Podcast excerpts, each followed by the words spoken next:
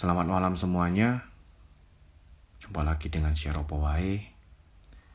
Kurang lebih satu bulan ini aku nggak mempost di podcast ini karena ya aku sedang menjalani isolasi lebih tepatnya.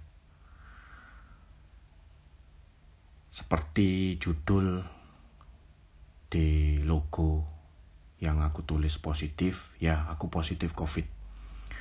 Lebih tepatnya tanggal 27 Desember tahun lalu. Satu minggu sebelumnya muncul gejala-gejala yang yang aku rasakan, tidak enak badannya, linu, kemudian sakit kepala, ya sedikit batuk, tenggorokan gak enak. Itu yang aku alami, tetapi puncaknya 27 itu aku kehilangan rasa, kehilangan indera penciuman juga secara tiba-tiba waktu makan siang. Semenjak saat itu, aku mengklaim, wah aku sudah positif ini berarti. Berarti besoknya hari Senin tanggal 28 aku harus tes. Tetapi tanggal 27 begitu aku mengalami itu sudah aku memutuskan untuk isolasi di kamar lantai 2. Yang aku mau ceritakan adalah waktu tanggal 24 Desembernya itu adalah saat-saat di mana aku menilai diriku bahwa aku berada dalam posisi yang sangat ketakutan, sangat khawatir, dan itu sangat tidak mengenakkan itu. Pikiran sudah ke mana-mana ya, aduh gimana ini ya. Apakah aku akan lewat saja, apakah aku akan selamat.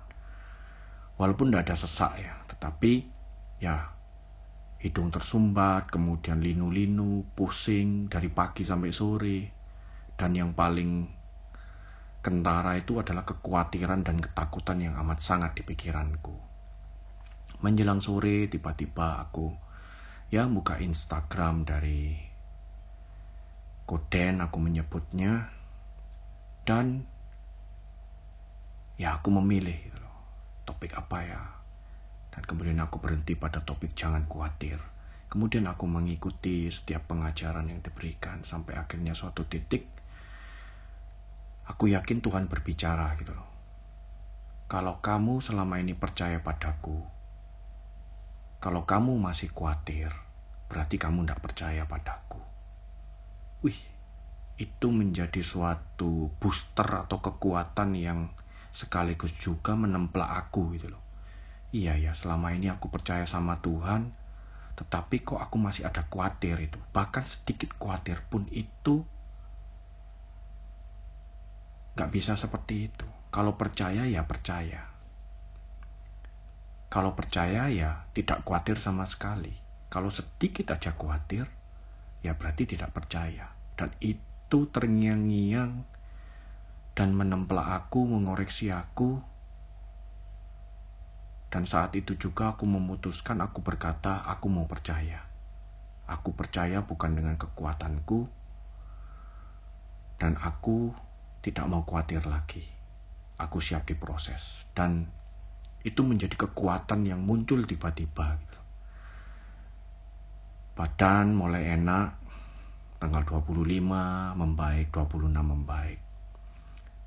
Dan begitu tanggal 27 aku memutuskan untuk isolasi, 28 aku swab. Dan hasilnya 29 sore itu aku positif. Ya kalau orang menilai oh CT-nya kok rendah sekali gitu loh. Tapi uh, selama masa isolasi mandiri nantinya pun aku belajar banyak.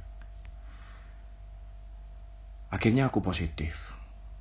Tanggal 28 salah satu temanku itu bertanya gitu, apa yang kamu akan lakukan hari ini? Tepatnya tanggal 28 Tiba-tiba terlintas saja karena aku positif, berarti aku punya peluang untuk bisa menjadi seorang pendonor plasma. Itu aja sih. Dan itu serasa ya muncul aja. Aku positif berarti aku punya peluang untuk menjadi donor. Dan darahku, plasma yang pernah terinfeksi COVID itu bisa membantu memulihkan saudaraku yang lain yang mengalami gejala COVID ya. Itu aja sih aku mikirnya dan